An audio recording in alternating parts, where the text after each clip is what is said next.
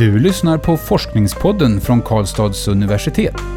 Här möter du forskare som tar dig med på en upptäcktsresa i vetenskapen. Den här podcasten görs av universitetsbiblioteket.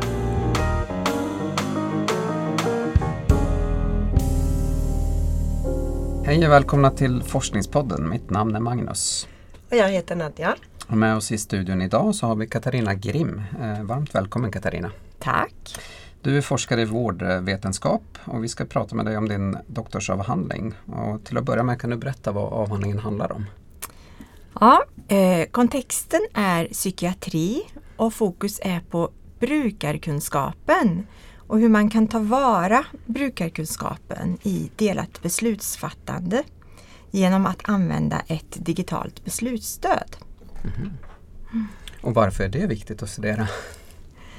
Ja, det här med patientdelaktighet och brukardelaktighet det är högt prioriterat i alla eh, vård och stödsammanhang.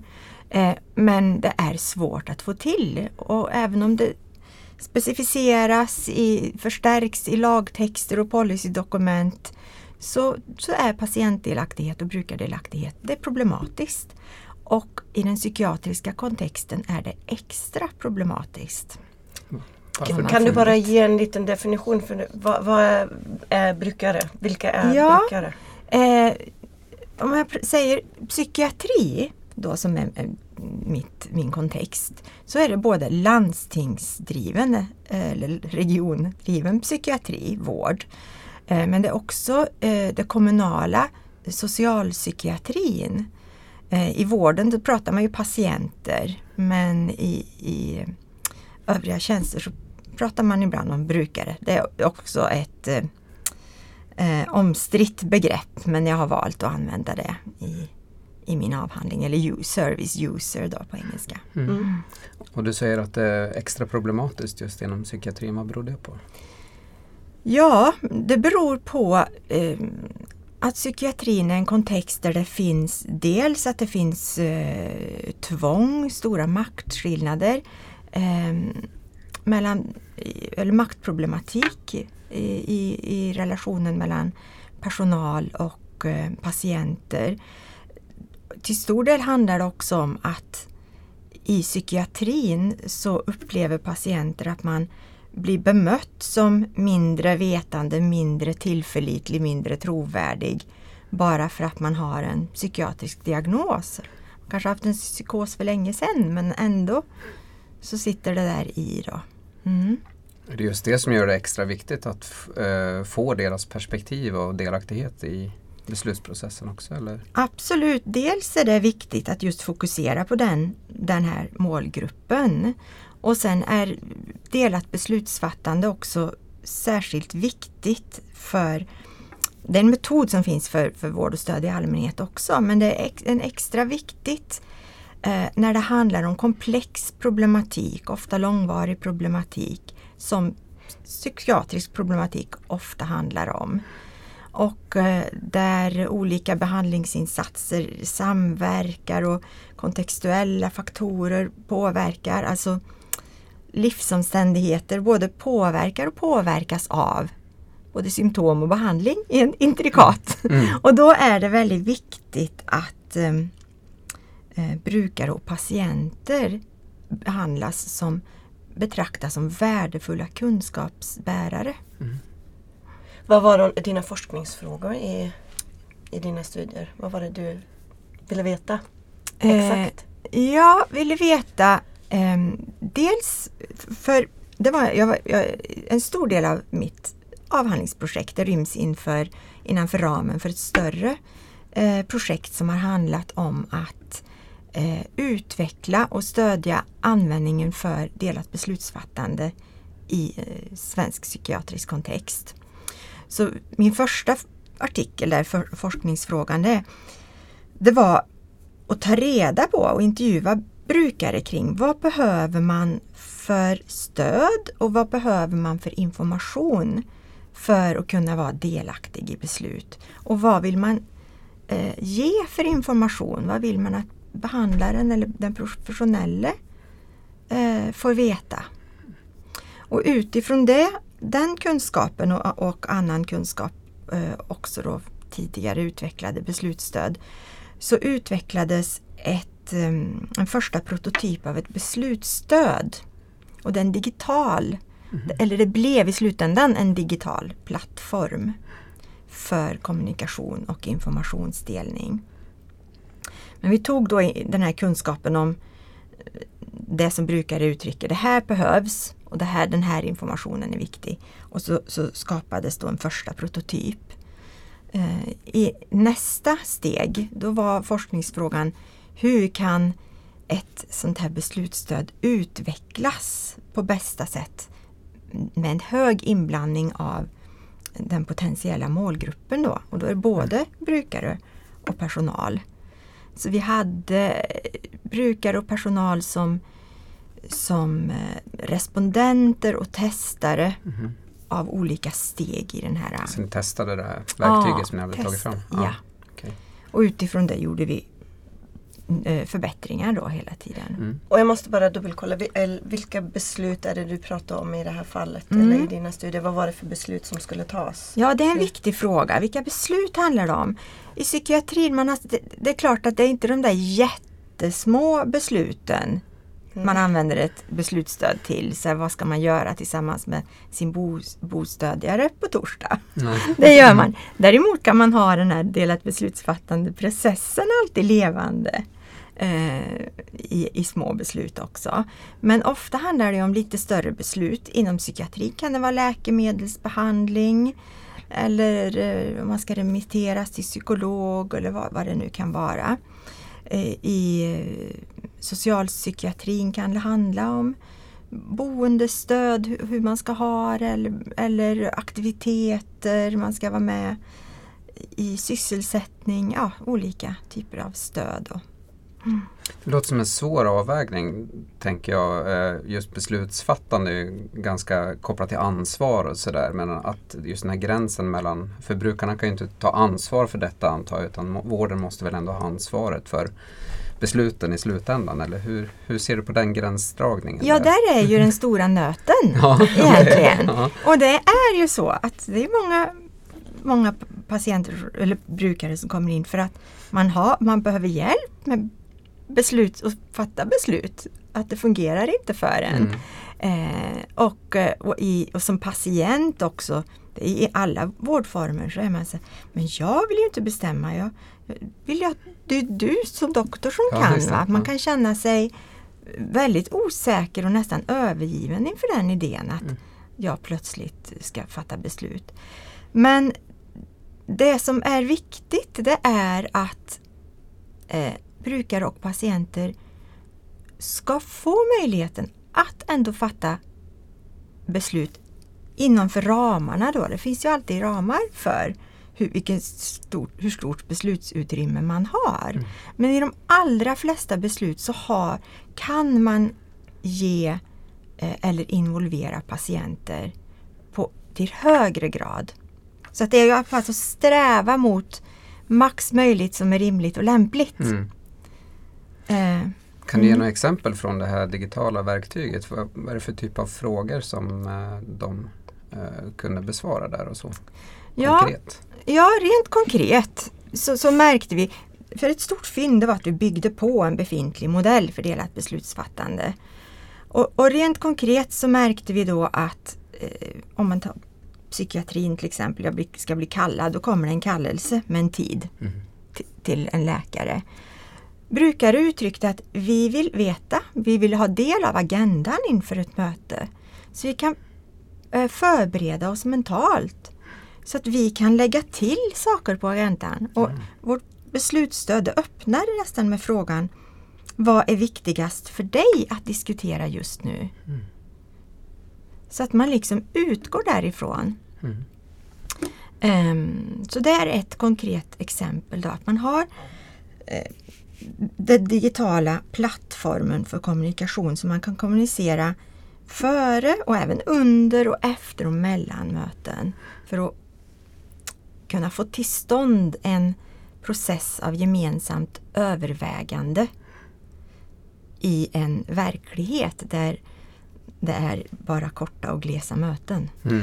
Kan, man tänka sig det som, som mer en mailkonversation? Att man, man skickar fram och tillbaka? Eller är det att du får en kallelse, sen går du in och fyller i ett formulär och sen är det läkaren som, ah, okej, okay, så här tycker brukaren, då lägger jag upp mötet så här och så skickar man tillbaka till brukaren eller Ja, ungefär skulle det ju kunna fungera så på mail fast man får inte använda mail på det viset Nej, då naturligtvis. Det här är ju ett säkert system. Ja. Men den här gemensamma plattformen, då, har man, då, är frågan där så kan båda skriva. Så skriver patienten här och så, så läser då, så det är dub, dubbla gränssnitt med full transparent. Mm.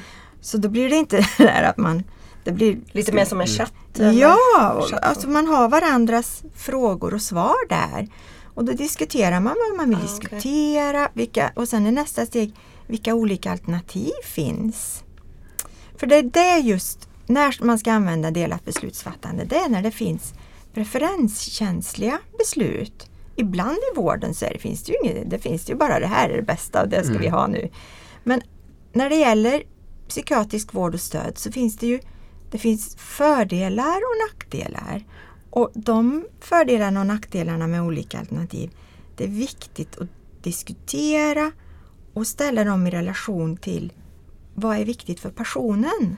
Mm. Som exempel, om vi tänker psykiatrin, för någon kan det vara det viktigaste just i min livssituation nu med småbarn eller någonting, att inte få ett psykosgenombrott. Då kanske man bestämmer att ha en, en medicinering som verkligen borgar för det. I ett annat läge så kanske man vill testa, för det är så mycket biverkningar och testa och, och eh, dra ner på medicineringen för man är i en annan livssituation och har andra prioriteringar. Så att det här att patienten ska få vara delaktig i, i riskanalysen till exempel. Mm. Ja. Ja. När det gäller beslut som har med ens eget liv att göra. Så att det blir så personanpassat som möjligt. Ja, Eh, och det man som... pratar om personcentrerad vård och det här är då ett sätt att realisera Mm. en personcentrerad vård. Sen är det ju det att, att de säger ju ändå personalen, för jag pratar om det här med maktaspekten och att de inte släpper i, i- att de, de Men det handlar ju om det här att, att inte vilja belasta redan sårbara individer med ytterligare ansvar och att de känner att jag har det här ansvaret i min yrkesroll. Mm. Så att det är liksom, jag har inte mött på det här att man har något stort behov av att utöva makt över folk ho- hos personalen utan snarare en omsorgslogik där då. Mm. Och då är em, den stora nöten hur man kan försöka svänga fokus mer till ändå positivt risktagande Okej. i vissa fall. Då. Och, och hur kom din forskning in i just den frågan? Vad var det du gjorde där? Ja, eh, först så var det ju det här med att, att ta fram beslutsstödet. Men det som blev intressant för mig under process och det var även min ingång i det här att jag hade ett starkt brukarperspektiv och var intresserad av varför har eh, brukare så, så svårt att vara delaktiga? Varför kommer deras kunskap inte till uttryck? Den efterfrågas inte och den används inte till, till så stor grad som de skulle önska. Mm. Så det blev mitt huvudfokus. Mm. Mm. Och hur, eh, hur gick det tillväga rent konkret för att samla materialet? Ja, det var... Vi samlade ju in material, först den här intervjustudien där det handlar om vad vill ni ha och ge för information och vad behöver ni för stöd. Då märkte vi att folk pratade inte så mycket om de här konkreta sakerna utan de pratade så mycket också om bemötande. Mm. Eh, och vad de behövde var att det, grunden var att bli betraktad som en värdig samtalspartner. Annars är det ingen idé att prata om, om, om eh, liksom strukturer för Mm. kommunikation. Där måste vi, och även då fortsättningsvis under den här prototyputvecklingen när de testade så kom det här hela tiden fram att eh, deras kunskap inte togs tillvara och det blev tydligt att det var massa olika mekanismer bakom de här svårigheterna. Så den, den fjärde studien, då har jag liksom separerat mig lite från det här eh, projektet och då skriver jag en artikel som handlar om just kunskap, använder en, en teori som heter kunskapsorättvisa. Mm. Epistemic injustice. Mm. För att belysa de här mekanismerna. Och den innebär, ja precis. Ja. ja men det här, det här är jätteroligt. Jag bara dök på den här teorin och tyckte wow, den här är perfekt att applicera på den data som har kommit fram. Eh, det var lite besvärliga begrepp när jag skulle översätta dem men då måste jag bara nämna det att i, sen, i filosofiska rummet i augusti så intervjuades hon som lanserade den här teorin 2008 och det var en lång intervju och ett långt samtal och där fick jag ju med mig då alla svenska översättningar. Ja, okay. och den boken har precis kommit ut på svenska. Mm. Eh, eh, kunskapsorättvisa. Mm. Och det handlar om, hon, hon identifierar två huvudformer. Och det ena är vittnesorättvisa. Och det är när en, en grupp eh, människor på grund av fördomar som man har gentemot den gruppen eh, vad, vad man, de personerna säger inte värderas som trovärdigt på grund av tillhörigheten till en mm. viss grupp. Eh, tas på allvar. Jag hade en psykos för fyra år sedan kanske någon säger och sen dess är det ingen som det jag säger är inte värt någonting. Mm. Så kan man få höra. Den andra typen det är tolkningsorättvisa.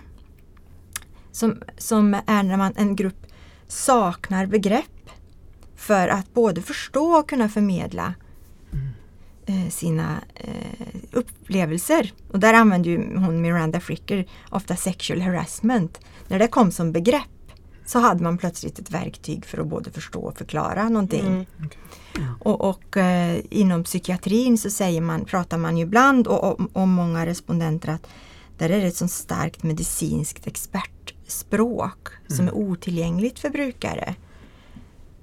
Som gör att man har då svårt att, att, att, att uttrycka och därför kanske alternativa förklaringsmodeller går förlorade också. För man mm. fokuserar bara på det här. Samtidigt så ska jag säga då att många brukar uttrycka att den medicinska terminologin också bidrog till, stärkte dem epistemiskt. Mm. Så, att jag är inte emot eh, medikalisering liksom i språket utan bara att det behövs olika sätt att kunna kommunicera. Mm att det är viktigt att man förstår när man inte förstår varandra. Ja, att och, och, att personalen också ger utrymme för personliga sätt att prata. Mm. Och uppmuntrar till det. Mm. Och, och inlämnar det i förklaringen och förståelsen. Annars så blir det ju det här väldigt snäva diagnosramarna mm. som man betraktar, tolkar folk igenom. Det, det rastret man har för analys. Då.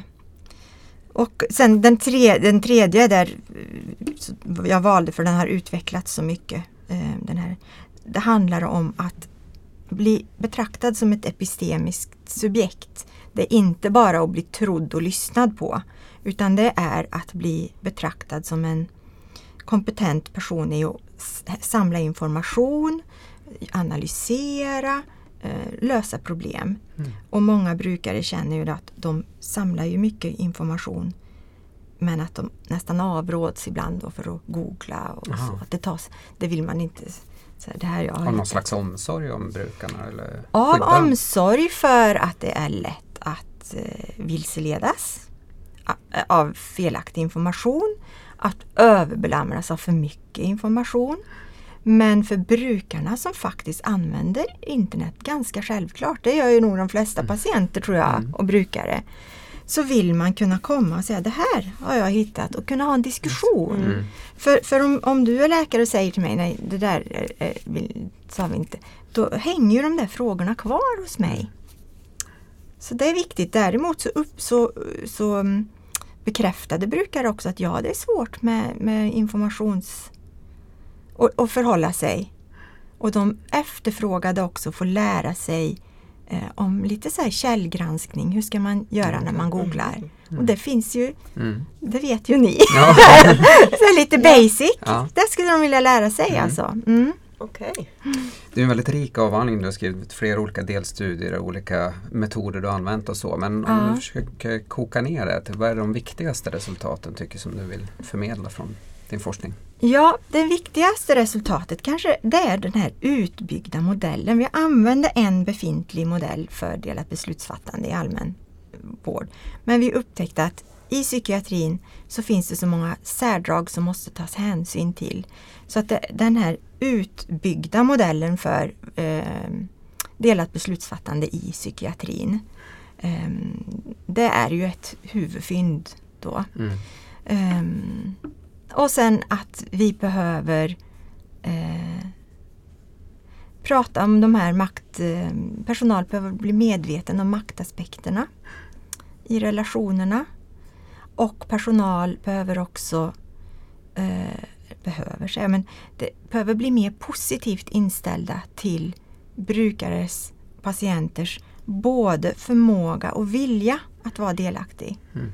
Och även om man inte kan det alltid så, så ska man ha liksom en utgångspunkt med en optimistisk syn. Sen kanske man får reglera Mm. ner. Mm. Patienten vill inte eller kan inte där och då.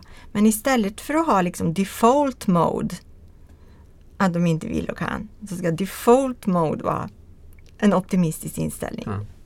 Precis tvärtom. Mm. Ja. Ja. Mm. Ehm, Fick du med personalens perspektiv också på det här eller kollar du bara på brukarna? Nej, jag fick med personalens perspektiv på det här. Och det var ju då jätteintressant. Ett hinder för implementering som vi stötte på, som många tidigare har stött på också, det är det här We, we already do that syndrome. Mhm. Okej. För delaktighet, ja men det är som ett buzzword. Mm. Det är klart att vi gör det. Vi är jättenoggranna med det. Ehm, så därför är det viktigt då den här som vi har tagit fram, där det är konkreta handlingar. Mm. Man får en checklista för Ja. gör vi verkligen det som vi tror att vi gör? Och då blir det Oj då, Oj. Ja. den där ja. Men den är problematisk, det går ju inte för de är för sjuka eller kan inte. Alltså så det där va, så att det Mm. var ju ofta det perspektivet. Så att både patienter och personal behöver stöd, de behöver lära sig nya sätt att relatera eh, till varandra och eh, annars så var det ju då just hos personalen mycket omsor- omsorgslogik Mm. som var he- helt relevant. När värden krockar mellan skydd för liv och hälsa och autonomi och självbestämmande. Om man inte direkt ser vinsten för patienter, då är det klart att man Mm. drar sig för att implementera någonting. Ja. Men, men eh, de som, som hade varit med i den, eh, som var med i den studien, Mm. eh, som har gått hela den vägen, testade det digitala verktyget. Mm. Eh, tittade du det sen också när de, när de hade ett fysiskt möte med, med personalen, hur, om de möten blev bättre? Eller om det... Nej, det steget det är som nästa steg. Det Det är det, är det som ska göras nu. Men de som hade, vi intervjuade ju de som hade använt. Och det de sa var ju att de uppskattar det här att pa- patienten när som helst när den har tid kan sitta i lugn och ro och jobba i, i beslutsstödet. Eh, de upplevde också att de här frågorna i beslutsstödet hade de gjort dem mycket mer medvetna om sina kommunikationsmönster. Att de inte var så benägna att hitta lösningar och komma med tips och Mm. idéer. Utan lät frågan vara där hos patienten Mm. eller personen då. Ehm, så det var positivt upplevde man det. Tror du att det ni har gjort kommer implementeras i framtiden i, i svenska systemet? På något, eller är det någonting som kanske redan gjort nu? eller? Nej, det, det är det är så här antingen att, ah, mellan att jag hoppas och att jo men det är lite saker på gång. Mm. Men mer, ja. Men, men i, nu här, än så länge är det en prototyp? Eller? Än så ja. länge är det en prototyp Mm. men vi liksom Ja, vi strävar efter att den ska implementeras. Då får vi Mm. hoppas att många läser din avhandling. Vilka tycker du är avhandlingen värdefull för? Vilka Eh, borde läsa den? Ja, eh, det är både chefer är väldigt viktiga tänker jag, för det handlar mycket om implementering och för att implementera någon Chefer inom, inom psykiatrin. psykiatrin så är det totalt engagemang hos cheferna som är viktiga. Personal, eh, också viktigt och även eh, patienter och brukare. Och jag tänker på alla de här grupperna som jag har nämnt nu så tycker jag att Ja, och det är alltså artiklar på engelska. Det är inte jättelätt tillgänglig läsning. Och då är det ändå en avhandling som fokuserar på delaktighet. Mm. Så det är, därför ser jag som en viktig sak att komma ut och skriva populärvetenskapligt, komma ut och skriva på svenska i olika sammanhang och prata. Mm. Så här till exempel. Mm. Men har du skrivit någonting på svenska också som folk kan ta del av redan eller är det någonting som är på gång? Eh, nej, bara min sammanfattning då. Ja. Men sen, och sen att jag har blivit lite intervjuad för olika eh, tidskrifter och så. Men eh, det, ska, det ska jag se till att ägna min tid Mm. åt framöver. Vi är glada att vi kan hjälpa till att sprida ordet på det här sättet Ja, också. men Så det är ju toppenbra. det låter Mm. som superviktig forskning. Och så jag är bara lite nyfiken på om eh, man breddar perspektivet. Mm. Eh, hur, hur pass nytt då, eh, är det här med, med delaktighet i, just inom psykiatrin? Så finns det mycket tidigare studier och så? Eller är det, är det Ja, det finns mycket studier och man har pratat om det på länge. Mm. Och det finns många olika modeller för delaktighet på både då individnivå, verksamhetsnivå och systemnivå. Så det är någonting det jobbas med. Men det är vissa saker som är väldigt svåra fortfarande att få till på grund av också strukturella problem och Mm. hur systemen är uppbyggda. Det finns mycket att göra låter det som. Mm. Jättemycket fortsatt. Ja. Om vi, om vi tar ett ännu större perspektiv. Mm. För du sa att du har skrivit på engelska till exempel så du har säkert läst jättemycket engelsk eh, vetenskaplig litteratur. Mm. Hur, eh, har du lite koll på hur det ser ut i andra länder? Är det samma delaktighetstänk där eller är det ett, ett, ett svenskt ehm, en händelse i Ja. Sverige som Nej, väldigt mycket i att tänket finns. Det är verkligen internationellt, eh, gör det. Absolut. Sen just delat beslutsfattande. Så I vissa länder finns det lite mer incitament att de har det som ett krav när de blir Mm. kvalitetsgranskade i Mm. England till exempel. Då.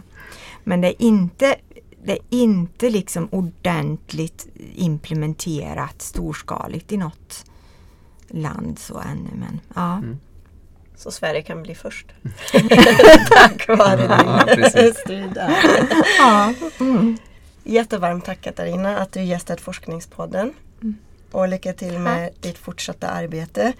Och tack också till er som har lyssnat. Eh, om ni vill läsa Katarinas avhandling så finns den fritt tillgänglig i publikationsdatabasen DIVA. Avhandlingen heter Legitimizing the knowledge of mental health service users in shared decision making och har undertiteln Promoting participation through web-based decision support tool. Du har lyssnat på Forskningspodden från Karlstads universitet. Den här podcasten görs av universitetsbiblioteket. Alla avsnitt hittar du på kau.se forskningspodden.